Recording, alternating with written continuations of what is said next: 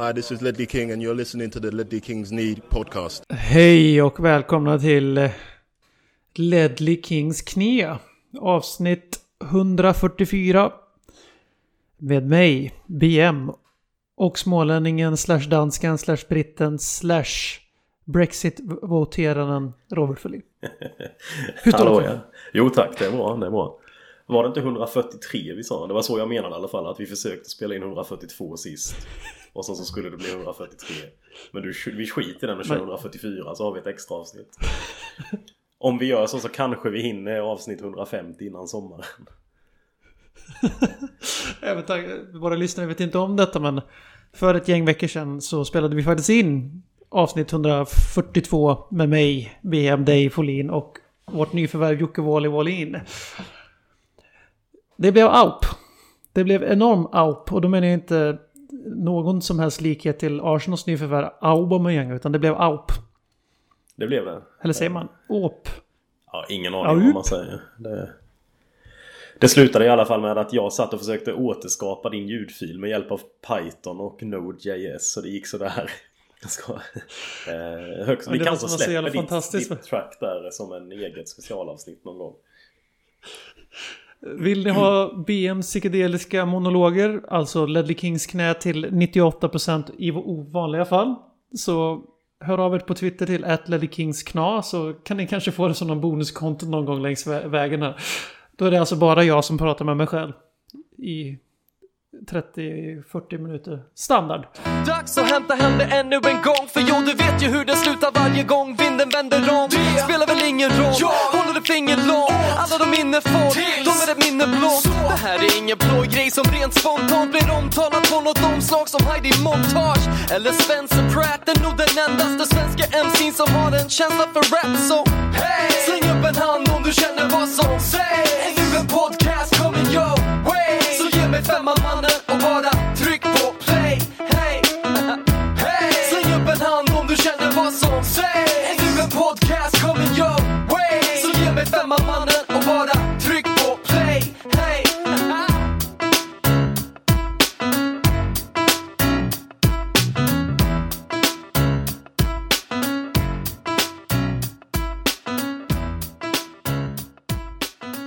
Ja, sen eh, ni hörde Wally och eh, Dronten pratar osammanhängande om spermier och eh, Lucas Mora, ofta i samband med varandra. Så har ju faktiskt Tottenham gått och spöat skiten i Manchester United. Vad, hur kändes det där igår kväll? När du såg matchen? På plats? Ja, det var, det var väldigt fint. Det är ju svårt att... eh, Eller med, med en sån början på matchen så blir det ju en... en eh, stämningen får ju en jävla skjuts.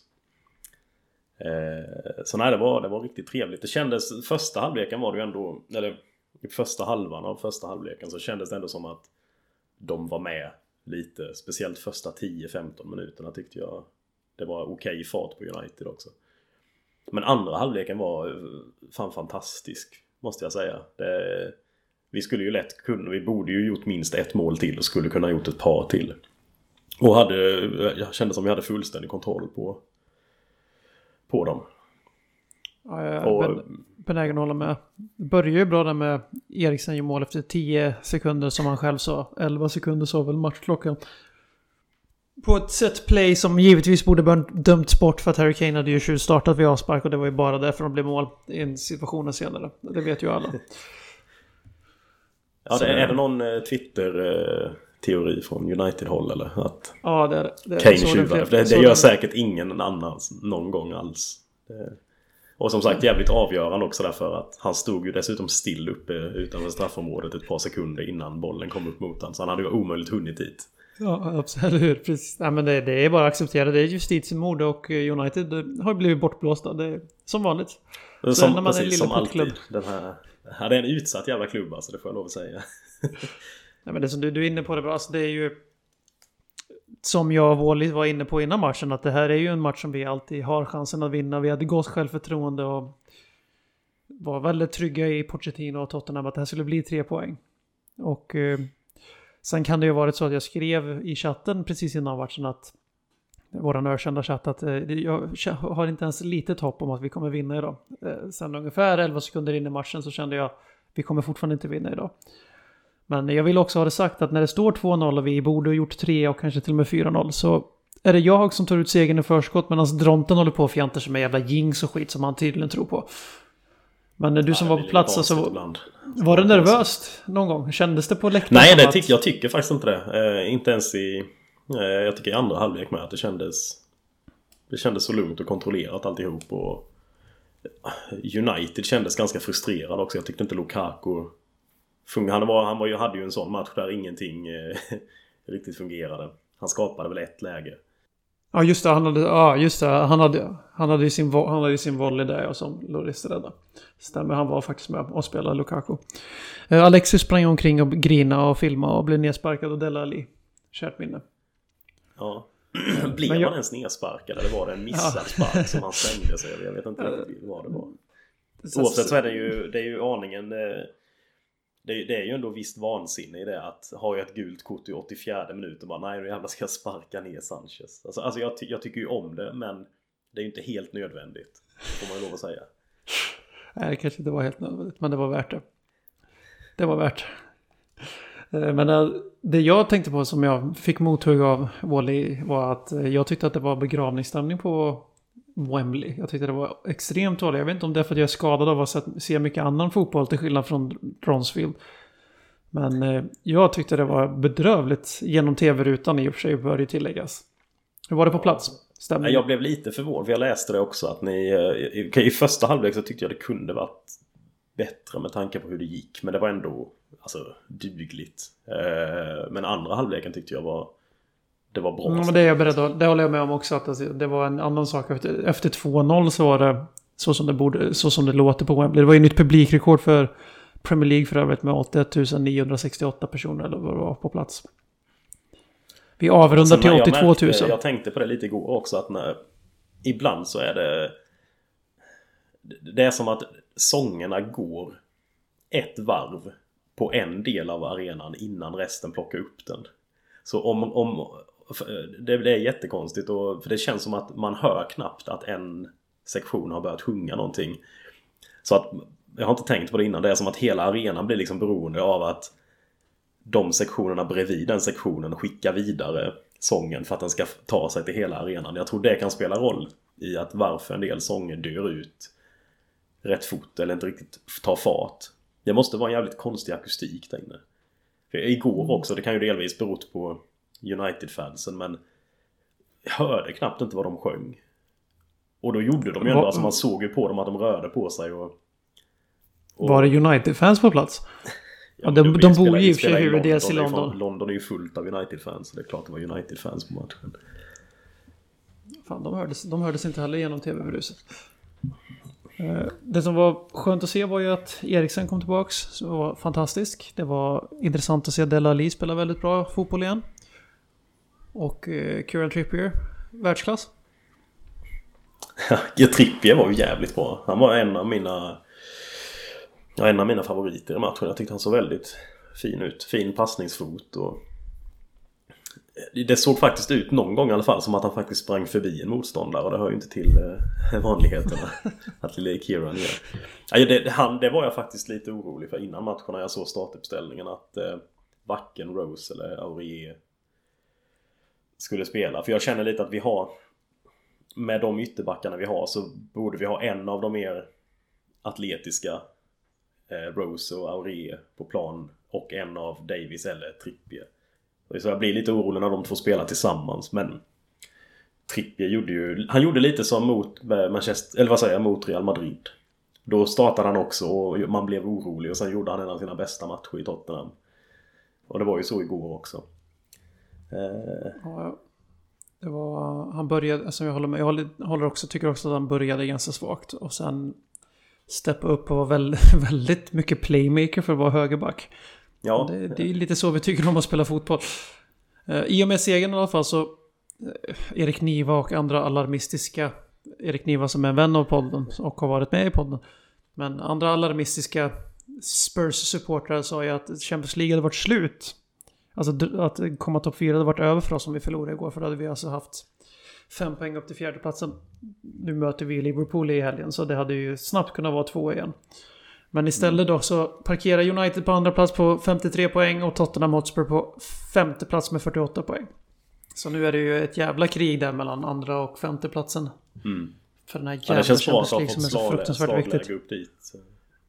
Det är fint att ha fått slagläge upp på andra platsen igen. Eller slagläge, men vi har åtminstone lite vittring på den. Ehm, Och med tanke på att vi har ju ändå en rätt fin form nu på om man bortser från Southampton och Newport då som är Newport så eh, ehm, har vi ju en rätt fin period bakom oss. Och vi är relativt When- formstarka men eh, Newport är ju inte vilket lag som helst som åker slå. Jag menar de, Lincoln fick kämpa stenhårt för att ta dem igår så. Men de tog dem till slut alltså. Ja, de kämpade ner vårat systralag, eller bro, broderslag, Newport County. Till slut. Det kunde ju inte Tottenham göra så det får man ge dem. Ja, Magic of the Cup. Något annat Ja. som sticker ut, någonting som jag alltid är nyfiken på.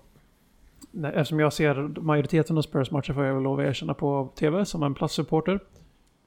Du är ofta på plats. Är det någon spelare du tycker det snackas för lite om? För jag vet ju själv att när man är på plats så ser man ju saker som inte tv-kameran snäppar upp eftersom de fokuserar på bollen hela tiden. Mm. Eh, igår tyckte jag Eric Dyer var jävligt bra. Eh, jag tycker han har fått lite o, o, alltså, märkligt mycket kritik. Eller, han har väl inte fått jättehård kritik men det är rätt många som har tyckt att han har haft en dålig form under säsongen. Och, inte, och visst, han har väl gjort ett par misstag så här i en del matcher som har kostat lite. Men jag tycker han har gjort väldigt många bra matcher också. Han, var ju, han och Dembele var ju båda överallt igår. Men av de två så syns ju Dembele mycket mer för han är ju betydligt mer drivande. Eh, och- Han har bollen mer. Ja, och det har ju inte Dyer, men jag tyckte Dyer var väldigt bra igår. Och då, om det är någon i Tottenham som jag tyckte kanske var... Han var väl inte dålig, han var inte dålig var han inte, men det var ett par missar från Sanchez som skulle kunna ha kostat oss. Eh, I första halvlek när, eh, när eh, Lingard i princip kommer fri och Loris går ut och räddar där så är ju... Jag tittade på reprisen på den chansen. Och Sanchez är ju, jag vet inte hur många meter iväg från Fatongen och de andra backarna han är. Alltså den... Fatongen står ju på sin mittbacksposition och det är ingen bredvid honom. Det är därför den chansen kommer. Ehm, men Sanchez har ju annars haft en fantastisk säsong. Men jag tänkte just igår så var väl han ehm, kanske den, den svagaste länken i laget. Han hade några hårresande misstag som han brukar ha. Eh, Men det är intressant att du säger att Sanchez har haft en fantastisk säsong. Och det är, det är ju med tanke på att han kliver rakt in från Ajax såklart. Och in i mycket Mm. tuffare liga. Men samtidigt är det inget snack om att han är vår tredje bästa mittback. Ja, nej absolut. Han har ju en sinnessjuk potential. Och han har ju varit riktigt, riktigt, riktigt bra i en del matcher. Eh, och det är ju imponerande att kunna vara det så här tidigt in i, i, eh, i sin Tottenham-karriär tycker jag. Men nej, absolut. Det är ju... Jag tror inte Toby och Fatongen ihop hade släppt till till exempel Lingards chans igår. Det tror jag inte. Men men det är ju, alltså, det är ju absolut, man ska inte sitta och snacka skit om någon. Alltså överlag så var ju hela laginsatsen igår fantastiskt bra.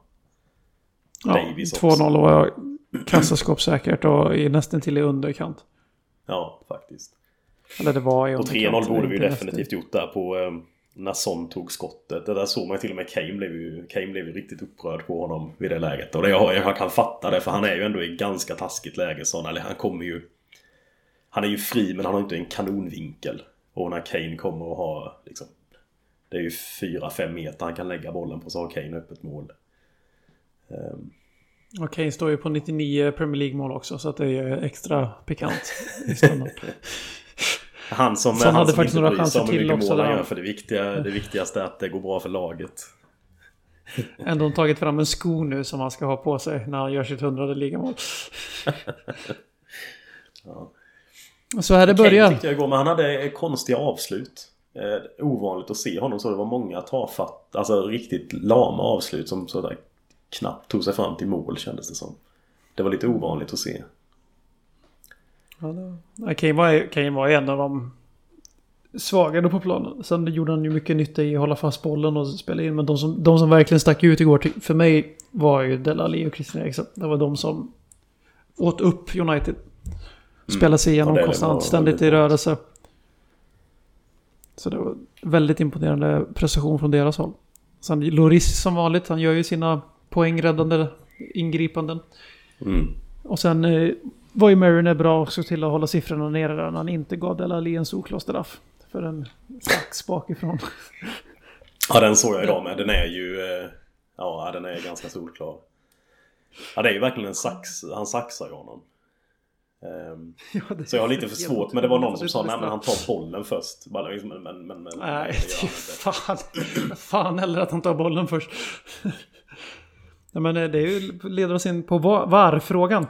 VAR? VAR från Italien. Men alltså jag tar hellre, alltså jag hade... mm, Nu blev det inget där och då får man ju liksom bara gilla det läget. Det beror ju på att domarna är för dåliga. Jag såg det var någon, jag tror det var Simon Finne som skrev på Twitter att Domarna är ju så dåliga i England ändå så även om det sitter någon domare och tittar på TV så kommer de ju fatta fel beslut för de vet ju inte hur, hur reglerna funkar. Alltså, jag, tol- jag tolkar det som att du inte är en VAR-förespråkare. Nej, nej, verkligen inte. Nej, jag vill inte Nej, alls ha det... Jag tittar ju på käppakrig ibland. Alltså Hockey Pocky. Från Nordamerikat. Och de håller ju på med sådana här videogranskningar och allt möjligt. Och det, kan, alltså det finns få saker som är mer eh, skadliga för idrott och sport. Än det här med när supportrar inte ens vågar fyra ett mål för att de är osäkra på huruvida det här kommer dömas bort för någon jävla Ja, offside. Tänk i hockeytermer nu då så det är lite offside med en skridskoskena 2 mm 33 sekunder före pucken går i nät. Det har uppstått sju eh, aktioner efteråt. Och så vågar man knappt fyra i soffan för att, eller på plats för att man är osäker på huruvida det här målet kommer stå eller inte. Vi vill inte ha in det i fotbollen, håll det borta. Mm. Nej, det enda, alltså om man ska ha något av det så skulle jag kunna tänka mig i sådana fall att du kan få någon slags att fjärde domaren har en skärm han kan titta på och bara säga till domaren att nej men du här var det. Men inte att han får stoppa spelet för det utan då får han i sådana fall om han uppenbarligen kunde se något på de bilderna så kan han få berätta det för domaren men annars så tycker jag det är... Ja, Jag det kan ju vara tillfällen Vi där behöver- vi behöver- på... eh, Alltså domarens eh, vy är, är liksom sämre än vad du ser på TV och då att du skulle kunna få det stödet. Men jag vill inte ha det här pausandet och springa ut och kolla på en skärm. För Nej, alltså jag, det förstör ju fly- flytet fullständigt i det. Då Ett har jag lag hellre som eh, redan... Barcelonas jävla grupper där de omringar domaren och står och skriker på dem i två minuter än att ha VAR. För det kan man bli förbannad på. Då har man någonting att bli förbannad på i alla fall. Ett lag som redan är bekant med var det är helgens motståndare Liverpool. Eller Klopperpool. Detta lag som går... Ja, från att vara sämst i Sverige till att... Eller i världen till att vara bäst beroende på varje resultat. Och som är hela Tips Extra generationens lag här i Svea rike. Och eh, ett av de lag jag stör mig mest på. Dina känslor kring Liverpool? Ja, det är ju, det är ju mitt andra favoritlag i, i England. Nej, men... ehm, För att... Nej, det är de absolut inte. Nej, jag har också svårt för Liverpool. Hashtag det, håll och jag tycker de har ju lyckats döda. Jag brukade ju tycka om Klopp också, men jag tycker han är värdelös nu. Nej, vilken jävla pajas han är. Ja. Alltså jag... Men det känns som att det har ju blivit, han, hans pajaseri har ju gått från att vara Alltså i Dortmund tyckte jag det var lite charmigt för då, då blev han väl influerad av, han, kan, han behöver väl den här hårda tyskheten kring sig kanske som ändå får honom att hantera sina, sina pajasfasoner lite. Han vet att han kan inte göra vad som helst där. Men i Liverpool tänker jag att där uppmanar de väl folk till att vara liksom klantarslen och allmänt hopplösa. Och så då, det triggar ju säkert Klopp till att bara bli ännu galnare. Ja, han har ju, alltså det känns spelat nu. Det känns inte genuint längre. Det gjorde det i Dortmund. Och han Ja, har ju visat exakt. med råge hur överskattad som tränare han är också. Visst, han har fått Liverpools offensiv att vara väldigt potent. Nästan lika Ja. fertil som medlemmarna i våran podd. Men... Alltså försvars. Nej, de kan det, är där, det är där vi alltså. kan vinna matchen. Ja, ja men han, alltså, han har ju satt en, en topp i laget som är... Men det kunde han göra i Dortmund också. Och där tror jag väl kanske att, att liksom försvararna där fanns redan. Eller de funkade bättre ihop än vad eh, de gör i Liverpool nu. Och han kan inte riktigt få dem till att funka ihop. Det är väl det som är hans stora svaghet. 800 miljoners mittbacken, van Dijk, livrädd. Alltså den är ju fan helt sinnessjuk den värvningen. Jag tänkte på det idag när jag tittade på det. Att han är ju den dyraste i det här transferfönstret. Och det är ju faktiskt, det är ju fan bara sinnessjukt att han är det. I ett transferfönster som alltså Alexis Sanchez byter klubb, i och för sig halvår kvar på kontraktet, medveten om det. Eh, Mkhitaryan går åt andra hållet. Och eh, Tottenham värvade Lucas Moura, etablerad brasiliansk landslagsman som gjorde 30 poäng för PSG förra året. Har i och för sig spelat typ 40 minuter den här säsongen, vilket alla glömmer bort när de hyllar honom på Twitter. Eh, och ännu and och Giroud går till Chelsea.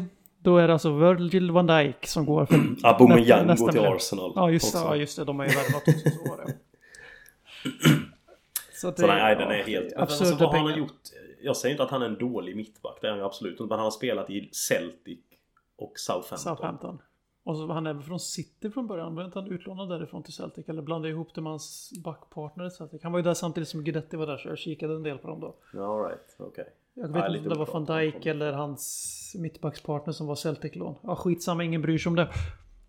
Vart eh, ligger han på Tottenhams mittbacklista? Våra, om vi räknar våra mittbackar som Toby Alderweireld, Jan Vertongen, Davinson Sanchez, Erik Dyer och Virgil van Dijk. Alla är 100% matchfit. Platsar Ja, han? men han slåss väl med Dyer om eh, fjärde platsen, känner jag. I Och. Liverpool-supporter skulle säga att han är bättre än Jean Vertongen och Davinson Sanchez. Men om de tror att han är... Jag är ledsen alltså. Tror man att Virgil van Dijk är bättre på är fotboll än långt ifrån Vertongen. att Då är man... Då är man fan... Då alltså... Dra in ditt supporterkort. Du förtjänar att se på fotboll. Byt till hockey eller någon annan lättförståelig sport. Van Dijk är inte bättre än Vertongen. Punkt. Firmino. Vertongen är- har varit fantastiskt bra alltså. Jävlar vad bra han har varit de sista två åren. Oh ja. Han är ju bättre nu än den säsongen han kom med i årets lag. Alltså utan tvekan. Mm. Fantastisk jävla... Alltså han är en klippa nu. Han gör ju inte ett misstag människan. Nej, och han är så jäkla lugn hela tiden också. Och han, han behöver rätt sällan göra något som är jätte... Eh, jätteextravagant eller något som märks speciellt mycket. Utan han gör bara det han ska hela tiden och är, står fan nästan aldrig fel. Koncentrationen hos honom har ju verkligen gått upp också. Så det det är inte det här längre att han någon gång slår av känns det som. Utan han är alltid på i 95 minuter liksom och, och styr och leder laget. Han är fantastiskt fin. Nästan till på gränsen till underskattad av resterande fotbollsvärld. Så hur går det? Är du rädd för Anfield? Blir det några poäng? Nej, alltså det, det är ju en jävligt svår bortamatch för just Liverpools toppar mot eh, mot bättre lag kan ju vara jävligt höga. Eh, men det är väl lite om man låter sig, sig gå i deras fälla. Eh, där de får liksom använda sitt att de får ut något av sitt pressspel så är det ju, då, ser, då kommer det ju nog antagligen bli jävligt svårt. Så det gäller att försöka spela kring det. Frågan är om Pochettino gör det eller? När man går ut och ska möta dem head-on som mot City. Istället för att göra som man Ja. gjorde mot Real Madrid, framgångsrik på bortaplan. På Dortmund, framgångsrik på bortaplan. Så ska han Ja. envist ut och stångas. För att vi kan slå alla på vårt eget sätt i Premier League. Ja, ja. ja det är ju det som kan stä- det är, Ska han göra det så tror jag, då tror jag vi kommer få betala ganska så dyrt för det. Eh, för då är de jävligt bra. Jag håller inte med. Eh, har du, är det kört om vi förlorar? Ja, då kan vi lägga ner. Då, Då, då är det behåller bara, vi vår, eh, vår tidigare podcastfrekvens. Då kommer, återkommer vi om ett halvår igen när det, är- när det är roligt med fotboll igen. Ledley Kings knäs, världens största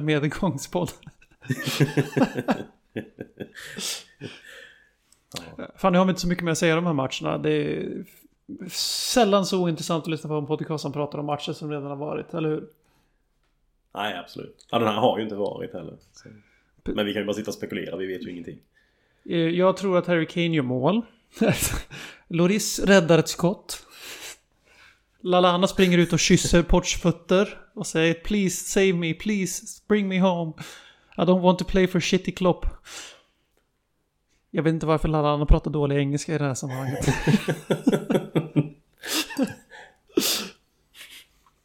Han bor ju i Liverpool så det är väl därför han pratar dålig engelska. Det gör de ju där uppe. Eh, jag, går, jag går ut on a limb. Spurs 1, Liverpool 1, kryss och ingen nöjd.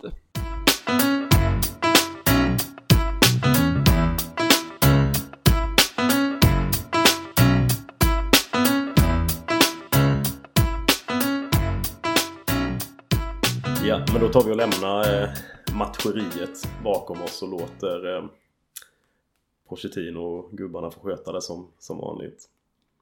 Eh, jag har funderat på en sak här som vi, som vi har eh, Vi har berört det lite här för du pratade om det när vi pratade om Liverpool att ehm, Liverpool är antingen bäst i världen eller så är det katastrof i det laget. Är inte det en generell sak egentligen som har blivit för hela fotbollsvärlden känns det som. Eller åtminstone i i England. Eh, det känns som att antingen är lag bäst i världen eller så är det sämst. Och det är inte bara fans heller utan det är som för Tottenham. Det känns som att vi är, vi är liksom alltid en förlust ifrån att nu kanske, nu kommer alla sticka ifrån klubben. Och det är lite samma sak med, med, med Arsenal också. Att de är... Vinner de så är det liksom nu jävlar är det på gång. Förlorar de så är det Wenger out igen. Chelsea är Ja, vi, vi presterar ändå, ja, som Chelsea-fans skulle säga, vi presterar väldigt bra med den här dåliga truppen vi har. och sen så förlorar de så är det, ah, nu kommer Conte lämna och vi kommer aldrig vinna något igen. Vad är det för något symptom som har... När kom det och när började det egentligen? Sociala medier. Som har eh, gett alla en röst. Eh, världens klimat överlag, hur människor är nu för tiden med väldigt mycket höga tonlägen och väldigt lite reflektion. Eh, Liverpool är värst. För att media är värst när det gäller Liverpool, upplever jag det som. Eh, Arsenal-supporterna är värst på Twitter. Upplever jag det som. Chelsea är ju en sån liten obetydlig skitklubb så det gör inget ringar på vattnet när de grinar eller härjar. Förutom när de står och hissar och sjunger om Auschwitz. Trevligt nog på läktare och sådana där grejer. Då märker man av det. Och när jag säger trevligt nog för någon klipper det här till en soundbite eh, så menar jag ju att de är dumma i huvudet. Alltså Chelsea-supportrarna. Och eh, ja, våra supportrar är fan inte mycket bättre alltså på sociala medier nu för tiden. Det är ju noll nyans. Jag vet inte riktigt vad det beror på. Jag Nej. tror att det är en, alltså media gör ju så för det genererar hype. Att allt, varje match blir så jävla viktig i en säsong som egentligen inte varje match är så jävla viktig. Vi var ju inne på det när vi sa att ni var Viasat-studion. Eh, som för övrigt måste ha det jävligt tungt nu när Zlatan ska lämna United och Vigge inte spelar någonting. Att eh, det här, om Tottenham hade förlorat så då hade det varit kört. Nej, det hade inte varit kört med tre lag inom fem poängs avstånd, åtta poäng upp till United med 14 omgångar kvar att spela, 13 omgångar kvar att spela. Hade absolut inte varit kört. Eh, Självklart underlättar det att ta in tre poäng på en direkt konkurrent, men jag vet inte om det är, det är något i den stilen misstänker jag, att det, det ger mer hype. Det finns inga mellanlägen och sen så är det ju det är en match, det lever ut känslor. Du har inte en ny Man undrar om det kommer direkt. någon slags motreaktion på det. På något vis också. För du, du säger att det är liknande i resten av världen och det stämmer ju faktiskt. Men där känns det lite som att i resten av världen så är det också att det finns eh, någon slags minoritet som är jävligt högljudd och skriker åt alla håll liksom. Och de blir representativa för alla andra utan att de egentligen är det. Så tror jag väl att det är här Frågan också. är hur det är med supportrarna. Ja. Det, det, det känns väl ändå så. Att det, jag menar, du kan ju vara rätt eh, reaktionistisk och alarmistisk med Porch. Och eh, vi andra sansade medlemmar av podden liksom bara Skärp dig nu Folin. Det är inte dags för Sir Tim. Det är inte dags för Sherwooden. Och du säger ut med den jäveln! Skicka hem han till Falklandsöarna! Porch out! Ja. Nej, jag försöker ju ibland lyfta det att man måste kunna kritisera vissa grejer. Nej! Utan att... eh, I våran kommunistiska podd så kritiserar vi inte auktoriteter. Kapisch? Nej, just det. Ja, sorry. My bad. När kamrat Håkman får höra det här, då jävlar. Men det är väl säkert så som du säger, eller med, med Tottenham så tror jag det är det också att vi har fått Alltså det är ju de höjda förväntningarna som kom jävligt fort för att vi hade Alltså det, det Rednap gjorde, gjorde ju att redan då så började vi ju ändras som fans. Och det, jag tycker det är lite tråkigt för det är Som jag sa när min tjej frågade hur stämningen var på Wembley igår, då sa jag nej men det var ändå rätt bra för att vara på Wembley. Men det jag har svårt med det här också, det är att vi lyfter ju aldrig laget längre.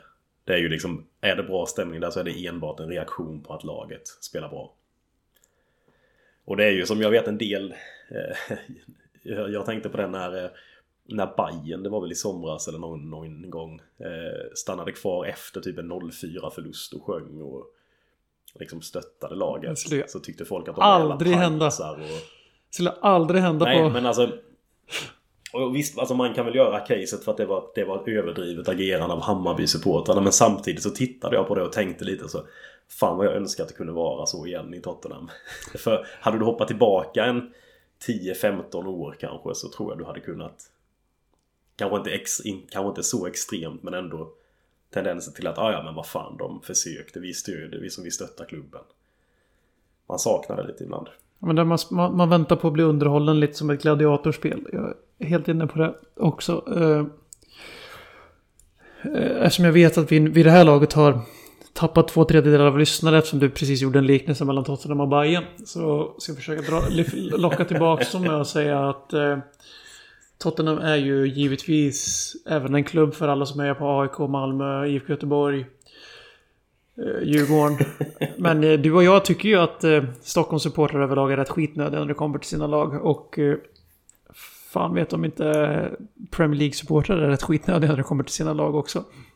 Alltså då menar jag på plats. Jo, du, du tänkte det här med att det fanns en risk för att jag alienerade så folk som lyssnade så tänkte du att vi ska ta upp det här med att vi tycker att Stockholmsfansen är skitnödiga också. Ja, men- tänkte, Fast vi inte glömmer nämna det. Men ingen glömde nu kan vi ingen... räkna med då att det är de här att det är de fyra trogna lyssnarna som är kvar. Vad är det? Flems och Finne och Apex. Apex och Gärningsmannen. Eh, Lelle Kings knä som podd tar inga fångar. Nej men för att återkoppla till ditt ämne och vara lite seriös. Eh, självklart så jag som supporter själv är ju väldigt mån om det här att det är ju när det går tungt på planen som man som supporter ska göra sin insats. Sen kan man fira tillsammans när det, är, det går bra. Eh, det är jävligt trist att se. Som igår, alltså nu, nu small det ju efter 10 sekunder mot United så jag förstår att det blir någon typ av, oh, man hinner inte fatta vad som händer och sen blir man väldigt rädd för man har någonting att förlora redan efter 15 sekunder. Eh, Därifrån så kan det ju bara gå sämre för Tottenham är ju tanken då. Man, man, är, man är helt enkelt rädd för att förlora den här gåvan som det är att göra 1-0 efter 11 sekunder.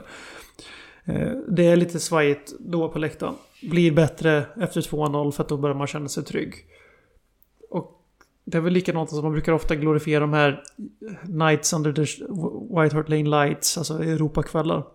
Där då har det väl varit ganska bra stämning på Wembley i år, Champions League-matcherna. Men där har det också gått jävligt bra. Men där tror jag också att Ja fansen går dit med inte riktigt samma förväntningar. att Nu ska vi vinna, för nu är vi helt plötsligt en klubb som ska vinna mot alla lag vi möter på hemmaplan. Och ska vinna mot alla lag vi möter på bortaplan i ligan, förutom fyra, fem lag där det liksom inte är seger på kontot redan före man går in på arenplats. Så jag tror att det... Vi har, ju blivit, vi har kommit ikapp de här giganterna så jävla snabbt. Så jag tror våra supportrar inte riktigt har klarat av att ställa om och växa in naturligt ut. Så de har bara blivit storklubbsupportrar över en natt allihopa. Mm. Det påverkar. Ja men det är en bra poäng du tar upp där med eh, Champions League-matchen. Att du går nog in där med en annan inställning också. För det, Det det spelar väl också en roll att vi var ganska nedskrivna innan det bara för att folk antog liksom att Real Madrid och Dortmund är bättre. Ja. Och eh, då Nej, blir det sen- som en bonus liksom. Det blir en bonus de matcherna. Då släpper det lös lite. Det är i alla fall intrycket jag har fått. Sen är det kanske jag likadan själv när jag Mm. sitter här och liksom går igång på Champions League. För jag, för det första så... En gruppspelsförlust i Champions League tar inte lika hårt som en ligaförlust. Så är det bara för mig. Och... Nu när vi har gått till slutspel är det ju en sak. Men när vi möter Dortmund hemma, liksom, visst det är klart att vi går vidare. Men åker vi ut i gruppen, same och same och slåss om ligatiteln in i maj, det är rätt kul. Jag är gärna med på den resan igen efter att ha varit med två år. Det kommer ju inte bli så i den här säsongen bör tilläggas, men eftersom Pep, supergeni Guardiola har lyckats bygga ihop ett lag av de här amatörspelarna från olika fiskebyar runt England, kuster. Att eh, Jag får... tänker lite så hans, hans, eh, hans, hans Manchester City-bygge är ju lite som The Mighty Ducks 1. ja, Där, eh, eh, han dyker upp på första hockeyträningen och de åker runt i liksom eh, papperstidningar som benskydd. Och, Aldrig spelat hockey förut, kan inte åka skridskor. ja, exakt. Där finns ju en sån, där, fan det borde vi ju göra något av. En, liksom en, en affisch eller någonting eh, baserad på Mighty Ducks 1. Plan, eller deras omslag med Pep och City Ja, det är en riktig Askungen-saga. Manchester City Pep Guardiola. Alltså, jag fan... Nu tappar vi tråden här från vad du tog upp, men alltså hans citat. Här går, han har precis köpt äh, La, Laporte från, äh, från La Liga för ett nytt klubbrekord. Ännu en i mängden av deras backvärvningar mellan 50 till 60 miljoner pund.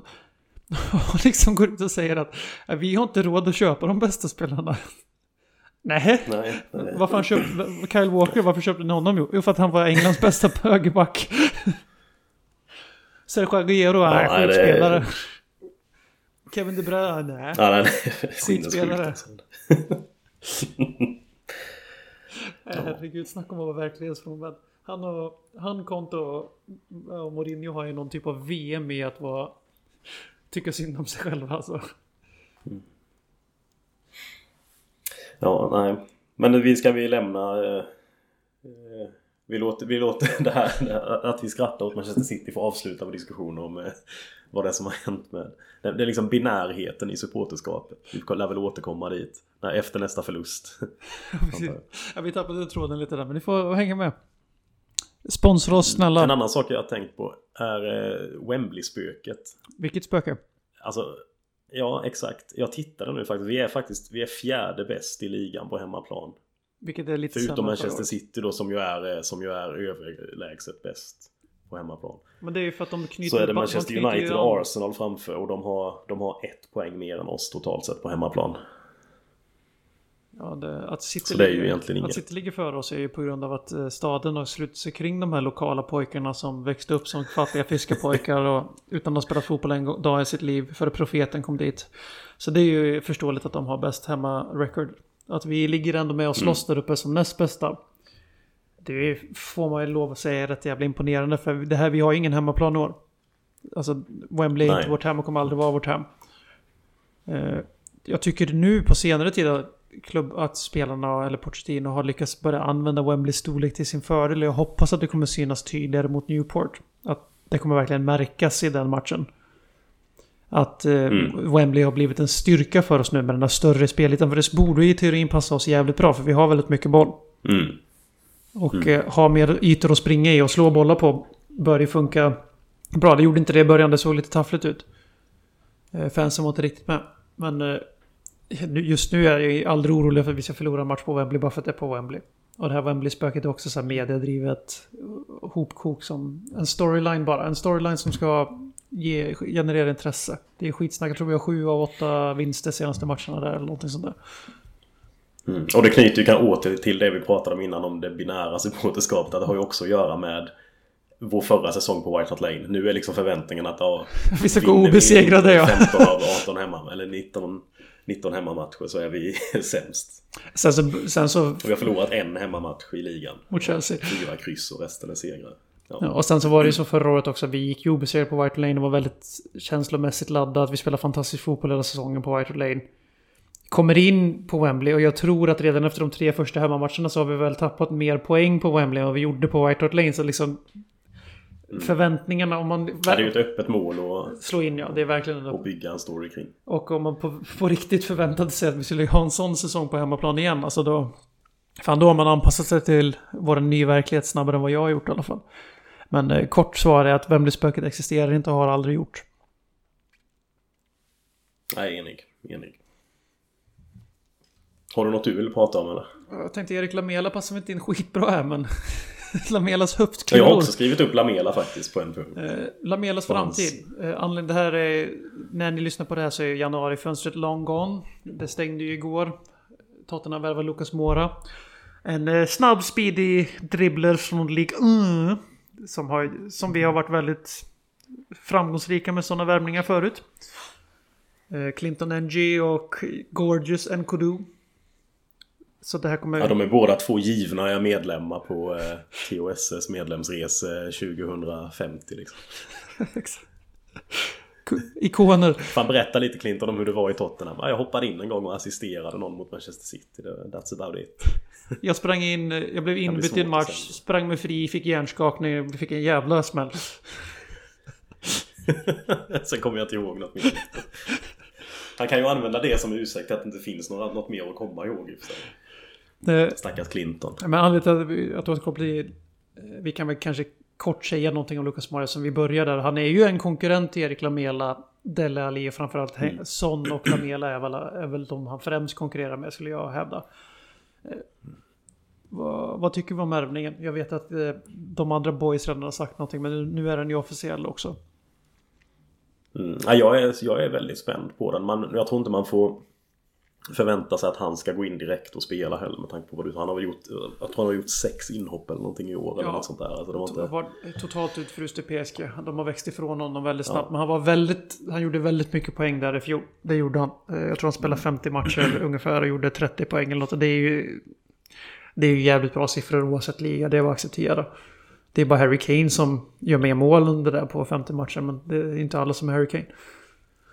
Så... Nej, jag är väldigt spänd på att se honom och hur han kommer passa in i, i, i laget. Han, han, han har ju en stil med som jag känner är väldigt Tottenham, vilket jag gillar. Kanske inte nödvändigtvis... Nu vet jag inte hur han är rent... Eh, alltså vad ska man säga, hans... Eh, hur hårt han arbetar och hur, hur villig han är att liksom rätta sig i ledet efter ett... Jag tror inte... En filosofi och en... en jag tror inte vi värvar någon spelare som inte är det längre. Har. Vad sa du? Jag tror inte vi värvar någon spelare som inte är det längre. Det, alltså, jag har jävligt svårt att se det. Nej. Med tanke på vad vi gjorde jag... med Edwards. Här får du gå på ett lån och bli hatad av din nya tränare direkt. För att du inte gör som vi vill. You don't buy into the game. Eh, men det som är bra med värvning. Jag är faktiskt konstigt mellanmjölkig inställd till den känner inte att han kommer tillföra särskilt mycket alls den här våren. Med tanke på lack of match fitness. Vi har ett ganska krävande spel att lära sig. Alla våra nyförvärv under Porch har tagit lång tid att ta sig in. Förutom Sergio Rier och Davison Sanchez. Vilket säger jävligt mycket om dem som fotbollsspelare. Eh, däremot så är det ju svårt att inte glädjas över att vi numera kommer att varenda match ha Lamela, Son, Eriksen, Ali, Mora. Någon, två av dem kommer sitta på bänken varje match när vi är friska. Mm. Truppen börjar ju se ganska vass ut. Ja, jo, verkligen. Men det, jag tycker det är den typen av spelare eller som, som Tech eh, kan spela på egentligen alla positioner i den offensiva mittfältstrion. Det är ju en sån spelare vi behövde värva för det var ju där jag kände att... Det var bara en konkurrent och det var Lamela. Han kan inte täcka upp för tre pers. Framförallt är han inte särskilt Nej. lik Son i spelstilen så att eh, Lucas Moura är mer lik Son än vad Lamela är. Så att, eh, det som eh, det har lett till då är att Lamelas framtid har hamnat i spekulation och igår var det helt absurda rykten om att SAF-15 skulle värva honom. Eh, vilket de inte gjorde. Surprise, surprise. Och eh, det har redan tidigare under fönstret och länge varit länkar tillbaka till Italien och nu är det väl inte det snackas mest om. Vad tror du om Lamela? Blir han kvar efter säsongen? Jag hoppas ju det. Eh, och jag tror ju inte Pochettino egentligen har något eh, emot att ha kvar honom heller. Med tanke på hur, hur, hur, högt han verkar värdera honom. Det var ju en sak som vi pratade om i den här podden som aldrig blev av också. Om eh, hur Pochettino lyfte upp Lamela som en av hans nyckelspelare i, i boken han har skrivit. Ja, ryggrad. Och, eh, mm, jag lyfte ju också det då i det när vi sist vi försökte spela in att det känns som att hela hela vår taktik och vår vårt pressspel speciellt ändrades väldigt mycket när Lamela blev skadad förra säsongen. Eh, vi började spela lite annorlunda, inte riktigt den här tokhöga pressen som vi körde ett tag. Och det kändes ju som att Lamela var rätt eh, väsentlig i den. Det var lite han som kickade igång den oftast. Ja, utan tvekan. Och, eh, och det kan ju vara så att man vill ha kvar honom också för att kunna spela det spelet när det behövs. Att man man, man blir mer flexibel taktiskt om du har Lamela i truppen också. Och du kan sätta in honom i de matcherna där du vill ha den typen av spel. Och sen är ju Lamela också, tycker jag, en bra spelare på att kunna låsa upp matcher och slå de här eh, avgörande passningarna som Bara Eriksen kan annars, mer eller mindre. Ja. Mm. Och det Lamela, man får inte glömma bort det, han har missat 13 månader fotboll och han har ju på fullaste allvar nu inte sett ut som det för fem öre sedan han kom tillbaka. Han har ju gjort skillnad mer eller mindre varje spelminut han har haft. Alltså det, det är ett kvalitetslyft att lyfta in honom för en trött spelare i vårt startelva. Han mm. kan starta mot vilket lag som helst utan att jag blir orolig. Han är en kvalitetsspelare på det sättet. Folk har, har glömt bort väldigt snabbt hans säsong han hade när vi i vår första titelutmaning hur viktiga och centrala han var för laget då som du var inne på i vad som hände när han försvann tidigt på säsongen därefter. Och nu gick det så jävla bra för laget ändå så då blev det så här, vi kanske inte behövde honom. Men det går det att förklara bättre hur mycket vi behöver honom men mot Leicester han kommer in, inte spelat fotboll på, han har spelat 20 minuter fotboll på 13 månader, gör en assist direkt. Uh, hoppar mm. in igår, sparkar ner Sanchez och börjar veva med Martial efter 10 sekunder. Klackar, slår djupledsbollar som, eh, som bara Eriksson kan slå. Liksom, vi ska inte sälja honom alls. Ge honom ett nytt kontrakt istället. Mm. Vill han stanna? Ja, det tror jag väl. Alltså han, verkar ju, han har ju pratat nyligen väldigt positivt om Tottenham också. Att han känner sig hemma här och att det är hans klubb. Och han har inte något, har något intresse egentligen av att lämna. Och det, jag tror på det också. För det, just att prata om men han sa, ju, sånt. han sa väl mer ingen- eller mindre att... Du vinner ju inget på det om du vill lämna. Du kan ju bara vara tyst och det är ju ingen som kräver att du ska gå ut och säga något sånt. Och sen så, alltså, han sa väl också mer eller mindre att jag är här för att spela fotboll. Och om jag inte ville spela fotboll här, då hade jag väl flyttat. Han, han sa väl med andra ord att jag hade fan inte bott i London om jag fick välja själv. Utan det är för att Tottenham finns här. Lite grann så kändes det. Inget fan av det brittiska vädret. Eh, Däremot så... Nej, det är, jag tycker det är ett underskattat väderområde. Det har för dåligt rykte, tycker jag. Så- Nu är det i sig Det är rätt, sagt igen att han bor i London. rätt, rätt piss här. Ifall ni undrar så bor Folin i London.